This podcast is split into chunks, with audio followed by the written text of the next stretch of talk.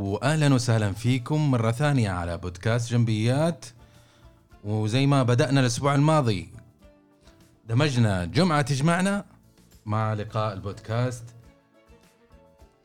بحيث إنه نتشرف بشوفكم وتفاعلكم ونستقبل أي أسئلة ممكن تكون عندكم حول موضوع هذا الأسبوع.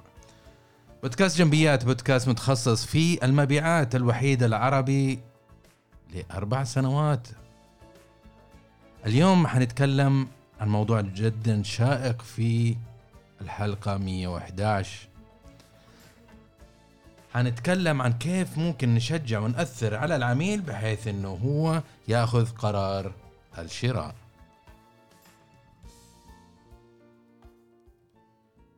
طبعا هذا الموضوع اللي إنك أنت تأثر على العميل وتقول له وتقنعه إنه يأخذ أمر الشراء هذا زبدة. كل البروسيس وكل العمليات اللي إحنا نقوم فيها إذا ما كنا نعرف كيف نقدر نأثر بطريقة صحيحة على العميل فمجهوداتنا فعليا ما حتوصل لفائدة الحقيقية.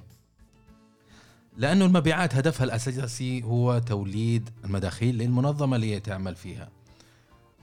فإذا ما قدرنا نأمن المداخيل وتأمين المداخيل يكون بإقناع العميل بأنه يأخذ أمر الشراء. حنتكلم عن التحديات في هذا الموضوع وكيف نتعامل معها من أكثر من زاوية. فخلوكم معنا بعد المقدمة إن شاء الله. أهلا وسهلا بكم في بودكاست جنبيات. تحب تتطور في عملك، حياتك، شخصك. ومن وجهة نظر إدارية أنت تستمع الآن لبودكاست جنبيات. نقدم لك خبرات سنين في الإدارة وتطوير الذات ونظرة جادة. إلى حل المشكلة زور المدونة. على gambi.me والآن مع المدرب. أنور جنبي. واهلا وسهلا فيكم مرة ثانية. وزي ما قلنا في المقدمة حنتكلم عن كيف ممكن نأثر على العميل في عملية المبيعات ونشجعه ونأثر عليه بحيث إنه هو يأخذ القرار ويقول لك أنا موافق. الأسبوع الماضي كنا في نقاش مع شريحة من المصممين الجرافيكس. وطبعا هذول الفنانين يعملوا كأعمال حرة ومستقلين. ويتعاملوا مع العملاء.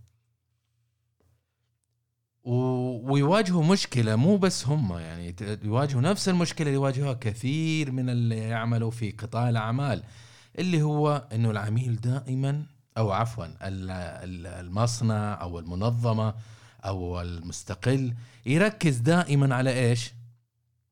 يركز على أنه هو يطور منتجه ويطور خدمته. الخطأ هنا إيش؟ إنه في الغالب اللي يعملوا يعتقدوا إنه إذا كان عنده منتج أو خدمة مميزة فهذا يأمن له المداخيل. ولهذا السبب نجد كثير من الأعمال تغلق بعد فترة وجيزة. مثال على ذلك الكوفي شوبس كل يوم الثاني فاتح كوفي شوب. بعد فترة قصيرة يعلن إغلاقه. ثم يفتح مشروع آخر مشروع ثالث مشروع رابع مشروع خامس والنتيجة هي نفسها. وكلهم فعلا لو تتذكروا آه، يعني أحد الكوفي شوبس اللي أغلقت تجدها متميزة فعلا يعني عندهم ديكور عندهم منتج عندهم طريقة عندهم موظفين وكل شيء. يعني الخدمة أو السلعة كلها متميزة. اذا ما سر الفشل؟ السر انك انت بتركز على المنتج أو الخدمة اللي بتقدمها دون النظر إلى العميل دون النظر إلى الطريقة اللي انت قاعد تبيع فيها دون النظر إلى العميل واحتياجاته دون النظر إلى العجلة التسويقية الصحيحة. لأنه في الغالب انت لما تيجي تشتغل في المبيعات عليك تركز أصلا على الهدف الرئيسي اللي هو العميل وما الهدف العميل المستهدف وإيش احتياجاته. لأنه إذا أنت عرضت حاجة من غير ما تكون تنظر إلى حاجة العميل الفعلية دون أن تولد قيمة فعلية لهذا العميل فأنت حقيقة ما حترد على أو تحضر قيمة فعلية وتجعله سعيد إنه هو ياخذ أمر الشراء ما حيشتري العميل منتج أو خدمة فقط لأنه هو آه، يستطيع أن يشتري أو مجرد انه هو حابب يمتلك هذه الخدمة أو أو القيمة. لازم انت تفرق نفسك. هذا شيء. والشيء الثاني لازم تتميز عن السوق. الآن خاصة مع وضع السوق وحالة كورونا والوضع كذا الجميع لازم يتميز لازم يقدم قيمة مميزة للعميل حتى يفرق عن المنافسين وحتى يفرق عن العملاء آه، أو الموردين الآخرين اللي يتواصلوا مع العميل ذاته. فهذا منطقي لو تفكر فيه. فأصدقائنا المصممين كمثال أو شريحة في في عالم الأعمال مميزين خلينا نقول إنهم مميزين في تصميمهم في خدمتهم في منتجهم وهكذا. لكن أنا كشخص أتواصل معهم عشان. أنا أستخدمهم. أستخدمهم في بعض الأحيان تصميم تصميمات معينة في جرافيكس في إخراج آه، برامج صوتية سواء كانوا معلقين سواء كانوا آه، أعمل ال intros في أشياء مشاريع كثيرة أنا أستخدم third party أو شخص متخصص ويقول المثل اعطى الخبز لخبازه ولو اكل نصه. لكن لما نتواصل معهم أجدهم إنهم هم يفتقدوا كثير كثير كثير من المهارات في المبيعات. فتجده جاف ما يهمه وأنا إيش أبغى ولا إيش المشكلة اللي عندي أو إنه يساعدني أو يحسسني بالأمان إنه هذا الشخص إذا تقابلت معه فعلا هيهتم. عنده يجي يقول لك والله هذا التصميم عندك ثلاثة تعديلات وأنا أسوي لك كذا وأنا هذا وهذا سعري نهائي.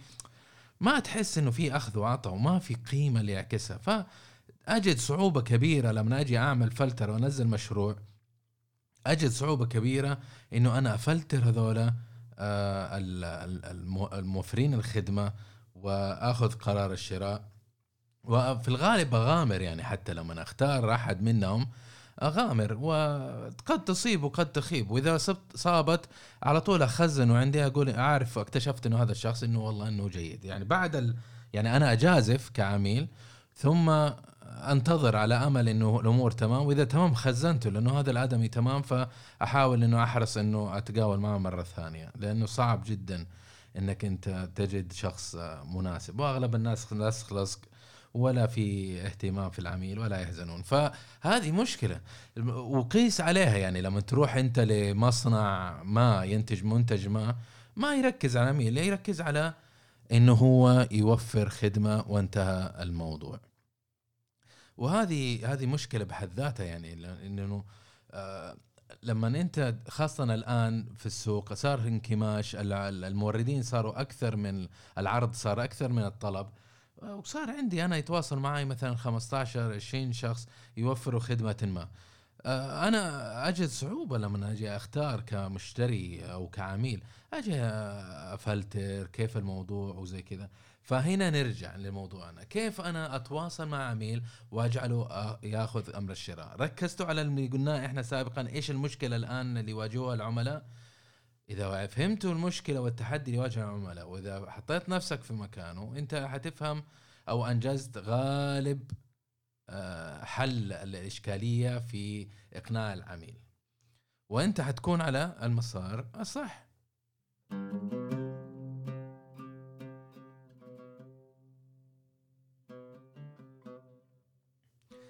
طيب خلينا ناخذ بعض الأساسيات في هذا الموضوع حتى نوحد المفاهيم ونكون كلنا على نفس الموجة.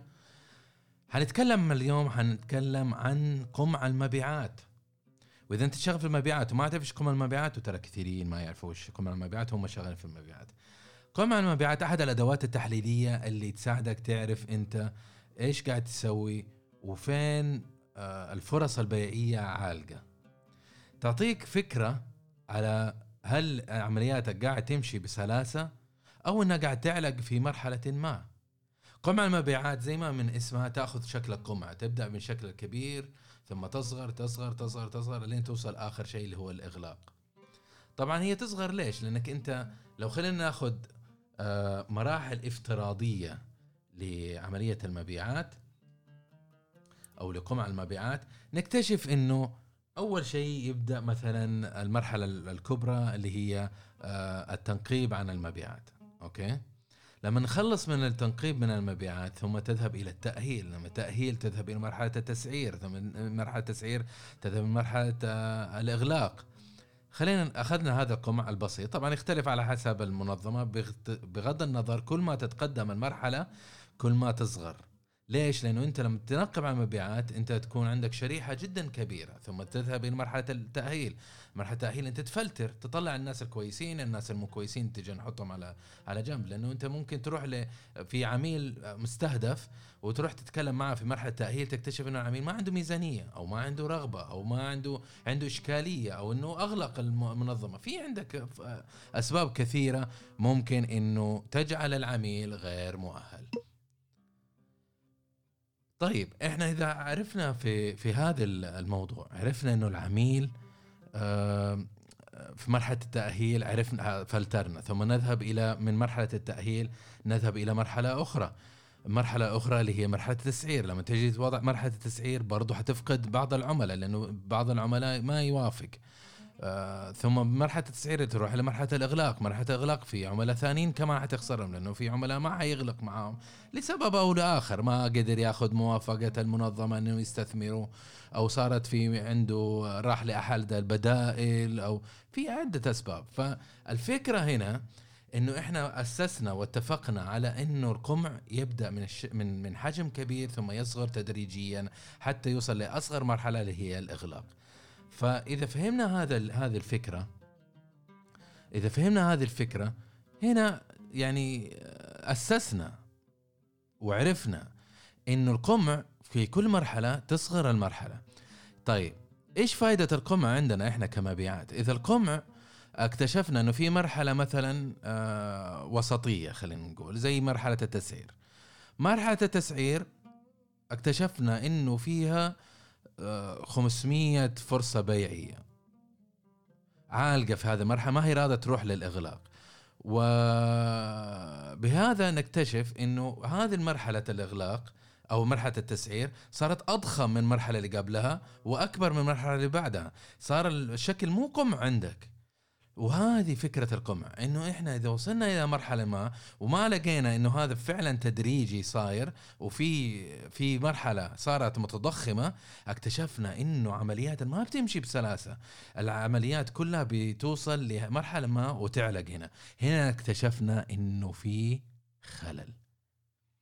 وإذا عرفت المشكلة هذا غالب حل غالب الحل أنت أنجزته لأنك عرفت المشكلة هنا تقدر تبحث أكثر وتجد حل وتحاول تبحث عن عن طريقة تذهب إلى هذه الحالات اللي عالقة ثم تقابل العملاء وتحاول تعرف إيش المشكلة أو تعمل مراجعة.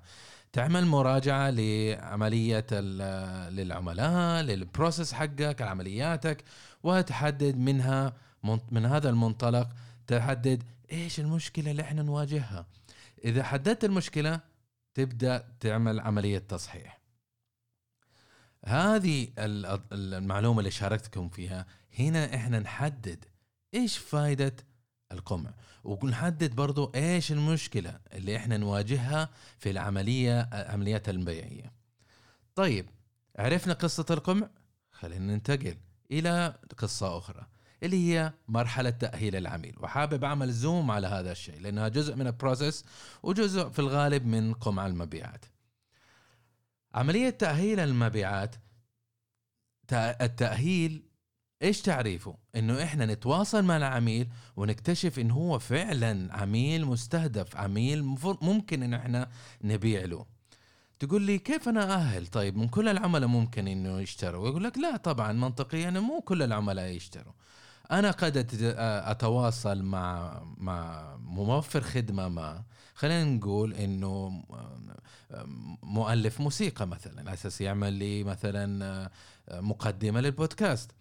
لما أنا أجي أعمل له أتواصل معه أقول له أنا معجب في خدمتك ومهتم وكذا وأحتاج خدمتك ممكن تعطيني تسعيرتك للخدمه الفلانية؟ فيجي يقول لي والله أنا أبغى أنا سعري 3000 ريال مثلا. لما قال لي 3000 ريال أنا ميزانيتي مثلا 200 ريال.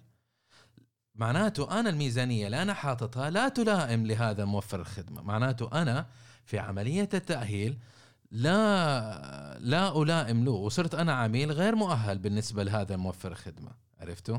وأنتم كمبيعات نفس الشيء. لما أنتم تعملوا تنقيب يكون عندكم ربما خمسة آلاف عميل مستهدف. ليش؟ لأنه العميل الفلاني عنده مشروع الفلاني. هذا العميل كل شهر يشتري مننا. هذا العميل آه عنده احتياج. هذا العميل قابلته قبل الشهر وقال إنه حيشتري في شهر يناير أو شهر فبراير أو ايا كان. بس لما نروح لعملية هذا في التنقيب خلاص صار عندنا 5000 عميل. لما نروح عملية التأهيل نروح نقابل العملاء. وهذه فرصة التأهيل. تروح تسلم على العميل أو العميلة ثم تسألهم تقول لهم كيف الوضع معكم؟ إيش التحديات تواجهوها؟ كيف توقعاتكم لسحبياتكم للشهر هذا؟ آه، إيش الأوامر التسعير أو طلبات التسعير اللي حترسلوها في الفترة القادمة؟ ومن هذا المنطلق أنت تقرر تقول إنه هذا العميل مناسب أم لا. طيب إذا كان مناسب ممتاز خير وبركة. أما إذا كان غير مناسب فتستثني. طيب؟ وهذا يوفر عليك خد... آه وقت وجهد و... وموارد. ليش؟ لأنه أنت كمبيعات عندك مشكلة. أنت دائما وابدا من أول يناير إلى آخر ديسمبر آه نهاية السنة المالية. أنت في سباق ضد الوقت وفي النهاية أنت شخص واحد. أنت عندك عدد معين من الساعات لا يمكن إنك أنت تكتسب هذه ساعات زيادة في الأسبوع أو في الشهر أو في السنة. فمهم جدا إنك أنت تستثمر وقتك بطريقة ذكية. لا تستموت وتروح تبح... ترسل تسعيرات لكل عميل. ترسل آه، تروح تزور كل عميل. أوكي أنت تقابل كل عميل وتحاول تبقي آه، علاقة مفتوحة وحوار مفتوح وتجمع معلومات بشكل مستمر من وقت إلى آخر. لكن لما تيجي لعملية المبيعات أنت تركز على ال 20 80 ال 20 80 إيش فكرتها؟ إنه 20% فقط من عملائك فعلا حيحققوا لك 80% من أهدافك البيعية. فأي أسه...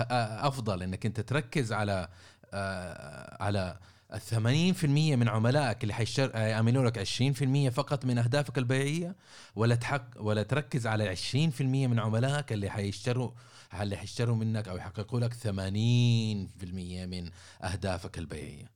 أي منطقيا حتقول لي لا أنا أركز على ال 20% ليش؟ لأنه أسهل لي إنه أنا أتابع مع ال 20% من عملائي وحيشتروا أكثر شيء من من هدف البيعي مقارنة بال 80 عدد أكبر يحتاج جهد ويحتاج هذا.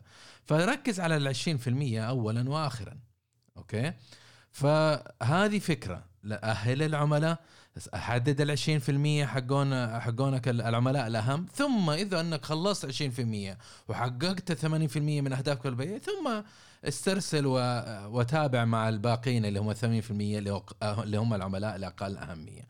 وهنا إذا حققت هذا الشيء حتكتشف إنك أنت بهذه الطريقة ما حتضيع وقتك مع عميل سيء. أحد الأخوات في في دورة تدريبية ماضية سألتني هذا السؤال قالت لي أنا أروح لعميل وأبذل جهد ومش عارف إيش ثم اكتشف إن العميل ما حيشتري وضيع لي وقتي على فاضي يقول لي أنا في النهاية يقول لي أنا ما عندي ميزانية. أو أنا ما حشتري الآن حشتري في الربع الثالث. طيب ليش ضيعت وقتي؟ أنا أروح وأجي واجتماعات وتسعير وكذا.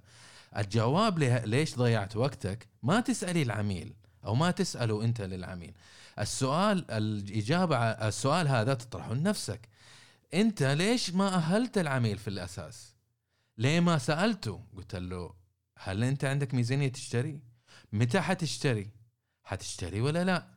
إيش التحديات اللي اللي ممكن تتوقعها إنك أنت قد تمنعك إنك أنت تشتري؟ اسأل الأسئلة هذه قد تكون ظاهرة زي ما ذكرنا أو ربما تكون مبطنة.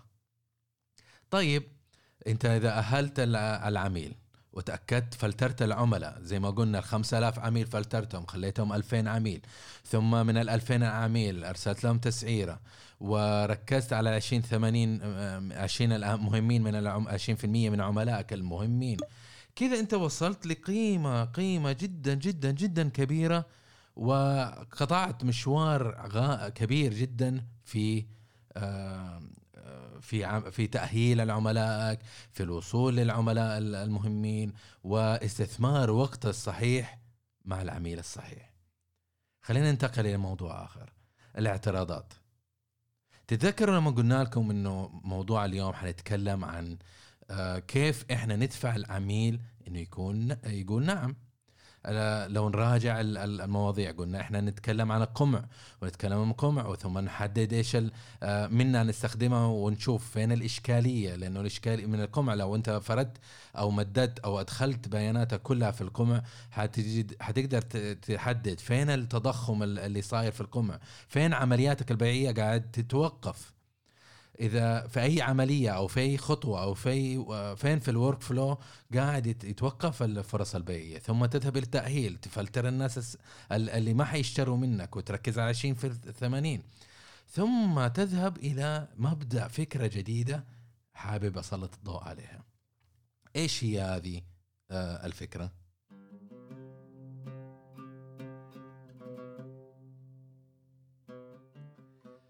الفكرة الفكرة هنا حنتكلم عن اعتراضات العميل. اعتراضات العميل إيش هي؟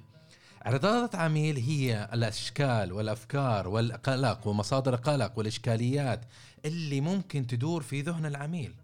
أنا ما بتكلم إنه كل الاعتراضات ممكن إنه يطرحها عليك العميل. ممكن وهنا الخطر. لو هو طرح الإشكاليات والاعتراضات ما في مشكلة. بالعكس ممتاز هذا الشيء. لكن إشكالية لما ما يشارك في ما يشارككم ما يشاركها معكم. طيب اعتراضات العميل آه، فيها فكرة ثانية. أغلب المبيعات ما يبغى يسمع إشكاليات واعتراضات وكذا. فيقول لك يا عمي إذا هو ما قال لي أنا ما أبغى اساله أقعد أنا أنكش ليها. أقول لك نعم لأنه هذه الاعتراضات حتبقى في ذهن العميل ما حينساها. وفي النهاية لما توصل لمرحلة الإغلاق حيس آه، حتثار آه، حيثيرها. وإذا ما أثارها ما حياخذ أمر الشراء. القرارات أو الاعتراضات هي اشكاليات تكون عند العميل تثير شك عنده وتمنع إنه يقول نعم أبغى أشتري منك خدمتك أو آه، أبغى أشتري منك خدمتك أو سلعتك. طيب من المراحل الأولية لا تستنى للمراحل الأخيرة. من المراحل الأولية في في التأهيل في التواصل في التنقيب دائما حاول أنك أنت تقيس نبض وتحاول تطلع هذه الإشكاليات. بأ- بأسئلة مفتوحة. أنا يعني دائما أكرر وأكرر أكرر هذه هذه الفكرة أنه شيء ما تعرفه اسأل. اسأل يعني ما في أسهل من هذا الشيء. اسأل العميل. قل له أنت عند- عندكم ميزانية؟ إيش الإشكاليات؟ إيش التحديات؟ إيش مش عارف إيش؟ طيب متى حتشتري؟ قديش حتشتروا؟ آه وحاول تتعلم برضو على فكرة هذا النقطة مهمة. حاول تفهم هم إيش عمليات إيش الخطوات ال- ال- اللي تاخذوها هم كمنظمة. في إنه ياخذوا آه، ياخذوا أمر الشراء هل القرار الشراء يروح من شخص واحد؟ هل في أكثر من شخص يساهم في أخذ قرار الشراء؟ ولا group ولا صاحب المنشأة؟ مين اللي حياخذ قرار الشراء؟ وإيش الخطوات؟ إيش الخطوة إنه بس خلاص okay يطلبوا أوامر الشراء أوامر التسعير من العملاء من الموردين ياخذوا التسعيرات ياخذوا أرخص واحد وانتهى الموضوع؟ أم يرسلوها لشخص تقني يعمل يعمل تأهيل؟ أو لأند يوزر أو مستخدم أو مستفيد يأهلها ويقولوا هو هو صاحب القرار. وهذه الأفكار هذه الأشياء لازم تفهمها. وما تقدر أنت تفترض من عندك إنه خلاص آه، صاحب المشتري هو اللي بيتواصل وهو اللي بيطلب أمر الشراء خلاص هو صاحب القرار. ترى 90% طيب من المشترين سواء مندوبين أو مبيعات هم مقتنعين انه هم أصحاب القرار. ويجعلوك أنت يعني تتوهم إنه هو صاحب القرار بينما هو مو صاحب القرار. طبعا ما حيقول لك أعطيني تسعير على فكره أنا مو صاحب القرار. بس أنت تحاول إنك أنت تفهم البروسيس منه تسأله بطريقة محترمة بحيث إنه ما تحسسه إنه هو آه، بمعنى آخر هل أنت مهم بالنسبة لي ولا ما أنت مهم. طبعا إذا ما قدرت أنت تعدي من من من المشتري أو ما حصلت موافقة من المشتري أنت إذا كنت فاهم أو أنت كنتوا فاهمين إنه إيش الإشكالية إيش ال process اللي اللي اللي, اللي مواجه اللي ياخذها أو يتابعها العميل في آخذ عملية الشراء آه إذا كنت فاهم إنه إنه مين صاحب القرار مين اللي يتخذ إيش ال process اللي يتبعوه هنا أنت تقدر تطمر من فوق صاحب أو مدير المشتريات وتروح للشخص المعني وتحضر معه اجتماع حتى لو بمعية المشتري ما في مشكلة بس حاول إنك ما تثير مشكلة. يزعل المدير المشتري يقول لك يا أخي أنت ليش طمرتني ورحت لهذا؟ ممكن تروح من عن طريق المشتري تقول له على فكرة أنا حابب أقابل المستفيد أو ال stakeholder ولا المستخدم أو عميلك. ابى أقابله ابى أسوي له presentation ابى أسوي له مش عارف إيش ابى أتناقش معه. ممكن تساعدني نحضر كلنا مع بعض أو شيء زي كذا. عندنا أنا في القطاع اللي أشتغل فيه غالب الناس المؤثرين يكون صاحب مدير الجودة. فمدير الجودة يا أما يكون بالواجهة يا يكون في الخلفية وقدامنا في الخط الأمامي يكون مدير مشتريات ويعتمد على قطاعكم أنتم. بعض الأحيان في الشركات العائلية يكون صاحب الحلال أو الشيخ أو إيش اسمه صاحب اللي يملك كل شيء وال- والقرش حيطلع من جيبه هو هو اللي صاحب القرار. فكل الموظفين يعملوا يعني الخطوات والتأهيل وزي كذا ثم يوصل الاوراق له هو اللي يأخذ القرار آه، سواء كانت منطقية أو غير منطقية. فاذا كان هذا السيناريو أنت حتواجهه معناته أنت تتأكد إنك أنت تحاول تتواصل مع صاحب الحلال أو صاحب القرار بمراحل أولية بحيث إنك تفهم إيش إيش الاعتراضات والاشكاليات اللي ممكن تواجهها. لو واجهت هذه الإشكاليات والاعتراضات وحليتها في مراحل أولية أنت ما حتتعاني من هذه الإشكالية أو الاعتراضات في المراحل الأخيرة. طبعا إذا تجمعت وما تعاملت مع الاعتراضات كل المراحل ثم جمعتها في مرحلة الإغلاق يوه أنت حيكون عندك خمسة ستة سبعة ثمانية عشرة اعتراضات تقعد تحلها واحدة ورا واحدة وتقعد تطرز في في حلها. فبدل ما أنت ت يعني تستنى لين تتضخم الأمور لا تعامل معها في مراحل أولية. فتعامل معها مرحلة بمرحلة آه، خطوة بخطوة بحيث إنه تحلها. طيب تقول لي يا أنور ليش أنا أحتاج أتعامل مع الاعتراض؟ لأنه زي ما قلنا سابقا إذا ما تعاملت مع الاعتراض هذا الشيء حيمنعك إنه آه إنه العميل يأخذ آه يقول لك موافق أنا بشتري. أوكي؟ ما حي... ما في عميل يشتري وهو عنده اعتراضات ما انحلت. إيش الاعتراضات؟ أنا أبغى أبغى أتعامل مع شركة وطنية عشان ارامكو مثلا اللي هو عميلي أنا آه، يشجع على التوطين ويحكم علي بالنسبة ومش عارف إيش وزي كذا. أو ربما يقول لك أبغى أبغى مورد يكون قريب مني عشان أقدر أقابله وأتعامل معه ويقدر يورد لي بسرعة. أو ربما يكون عنده اعتراض يقول لك السعر أنا أبغى أوفر أنت سعرك جدا عالي عن السوق. هذه نوع من الاعتراضات. اعتراضات أخرى ممكن يقول لك والله الجودة مواصفاتك أنت قاعد تبيع لي بنفس السعر منافسك ومنافسك يعطيني قيمة أكبر أو مواصفات أعلى. عرفتوا؟ فهذه الاعتراضات أنت لازم تتوا... تتع... تتعامل معها زي ما قلنا خطوة بخطوة وخليك ذكي ولا تتجنب. الناس كثير من العاملين في المبيعات يتجنب المواجهة يتجنب إنه يتعاملوا هذا الشيء يقول لك يا عمي وجع راس اقعد أتناقش معه خلاص خليني أسوقها وأعطي له تسعيرة ولعل وعسى. إحنا كمبيعات ومحترفين ومن نجوم نجمات المبيعات ما نترك إحنا ما بن يعني ما ندخل في قرعة إحنا ما ما نترك المواضيع للفرص. إحنا نتولى آه، الإجراءات نتولى ال- الأمور نواجه المشكلات واحدة بواحده حتى نوصل لبر الأمان ونوصل لأمر الشراء.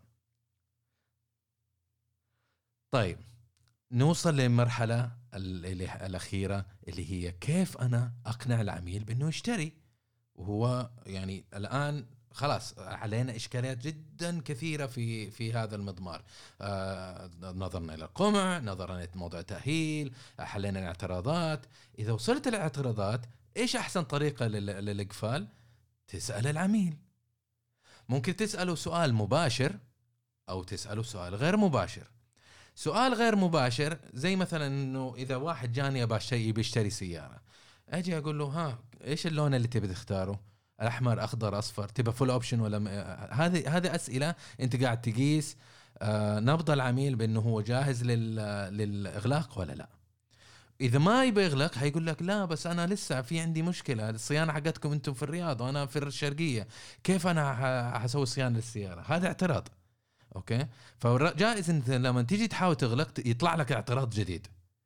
بس لازم تحاول تضغط بالاعتراض. لا تخلي العميل ترسل له تسعيرة ثم تقعد تلعب في الكمبيوتر ولا في التطبيقات ولا تلعب ببجي وتقول إن شاء الله إذا إنه هو جاهز بيشتري يجي يكلمني.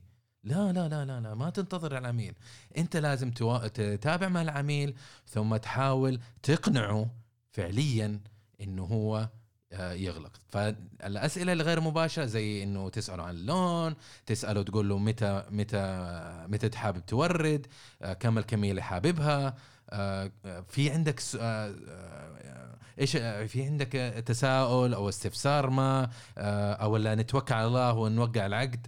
هذه أسئلة آه، بين مباشرة وغير مباشرة. أسئلة مباشرة أكثر تقول له ها خلاص وقعنا توكلنا على الله. هذه أسئلة مباشرة سواء أنتم كنتوا تشتغلوا في قطاع إسكان ولا قطاع صناعي ولا توريد آه، تجاري ولا ايا كان. هذه الأسئلة المباشرة وغير مباشرة حتمية إنك تسأل العميل إنه هو يغلق. حط في بالك إنه العميل في أثناء التنقل في في خطوات أو مراحل المبيعات آه، حتى والانتقال في القمع من المراحل الأولية ال- التنقيب ثم ينتقل التأييد ثم ينتقل التسعير ثم ينتقل الإغلاق. الإغلاق طبعا يكون سواء بنجاح مبيعات ولا خسارة. فبس إنها تعتبر إغلاق. فالعميل يكون في عملية آه، أو في في حالة عدم يقين. آه، شك ما هو عارف هل السلعة أو الخدمة اللي تعرضها أنت أوكي ولا لا؟ هل أنت إنسان مناسب؟ أشتري من أتعامل معك ولا لا؟ ولا بتجحده بعد أمر الشراء بعد ما يشتري منك؟ هل في خدمات بعد البيع ممتازة ولا لا؟ أو ما يعرف منظمتك شاك في منظمتك؟ هل أنتم توفوا وعودكم اللي أنتم حطيتوها ولا لا؟ آه وهلم جر؟ عرفتوا؟ فهذه هي الفكرة. لما انت تحرص على كل هذه المبادئ وتحرص إنه على العميل يكون آه، تنقله بسلاسة وتساعده وهو يثق فيك.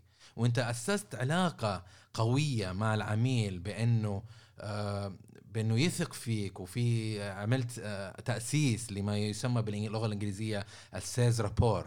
أو علاقة بناء علاقة مع عميل مبنية على الثقة وشافك كاستشاري وتأكدت وحليت كل المعضلات وكل الاعتراضات وكل شيء أنت نجحت إنك تنقله من حالة اللا يقين إلى حالة اليقين حالة المجهول إلى حالة المعلوم.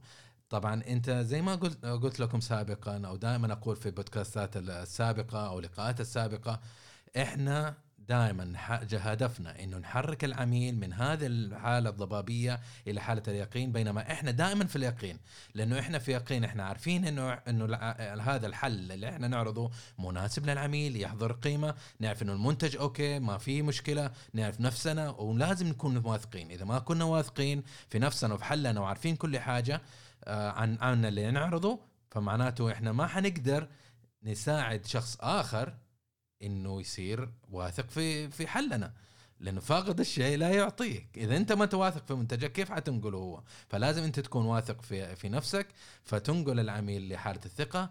أول ما حليت كل الاعتراضات أنت بكذا نجحت.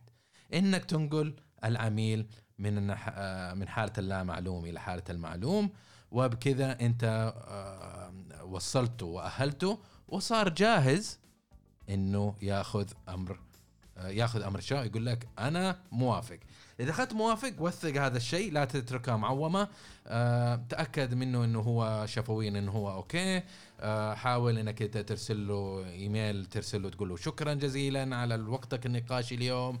وأنا متفائل إن شاء الله إنه إحنا حن حيكون عم صفقة بيننا أو المقاولة أو ايا كان حتكون مثمرة. وزي ما اتفقنا إنه التوريد إن شاء الله بالتاريخ الفلاني والتسعير المرفق هو التسعير اللي أنت وافقت عليه. وإذا عندك أي إشكاليات وأنا أطلع إنه أي إذا عندك أي إشكاليات يا ريتك يا ريتك تشاركه معنا. وننتظر منك في إنك ترسل لنا أمر الشراء. وكما اتفقنا بالتاريخ آه، غدا أو بعد غد أو التاريخ الفلاني أو اي كان على حسب حواركم السابق. هذا يسمونه تأسيس اتفاق أو تأسيس التزام مع العميل. بكذا أنت خلاص اتفقت معه حليت الإشكاليات صار هو واثق منك عارف بياخذ أمر الشراء وثقته عشان هو لا ينسى أو لا يتغير أو يحس إنه في فرصة إنه يخرج منها. ثم تبدأ تتابع معه حتى يعطيك أمر الشراء بكذا إحنا عرفنا كيف ننقل العميل من حالة ال- من الحاله اللي هو فيها إنه ياخذ أمر الشراء وبكذا أنت نجحت. إذا ما تقدر تعمل هذا الشيء إذا ما في فايدة من كل اللي بتسويه. وفي خطأ جسيم يسووا أغلب المبيعات. يحسبوا إنه المبيعات إنه أنا أجلس في المكتب والناس يرسلوا لي طلبات تسعير أو اتصالات تسعير أو ايا كان ثم أقعد أطرز أنا طلبات تسعير وأقعد أرسل للعالم. فكل يوم يقعد يرسل 20 25 طلب آه، أو تسعيرة. وهذا مو مبيعات هذا سكرتاريا أنتم مميزين أنتم نجوم ونجمات المبيعات. إذا إذا أنتم ما تبوا تقوموا بالمبيعات بالطريقة الصحيحه إذا أنا أقدر أستبدل عشان شخص إنه يسوي تسعيره ويرسل أقدر أشغل أي شخص بقليل خبرة أو خريج جديد من الثانوية بهذا لكن منظمتكم وظفت شخص أو شخصة بخبرتكم وبإمكانياتكم ومهاراتكم عشان تبدعوا وتخرجوا وتسووا المستحيل.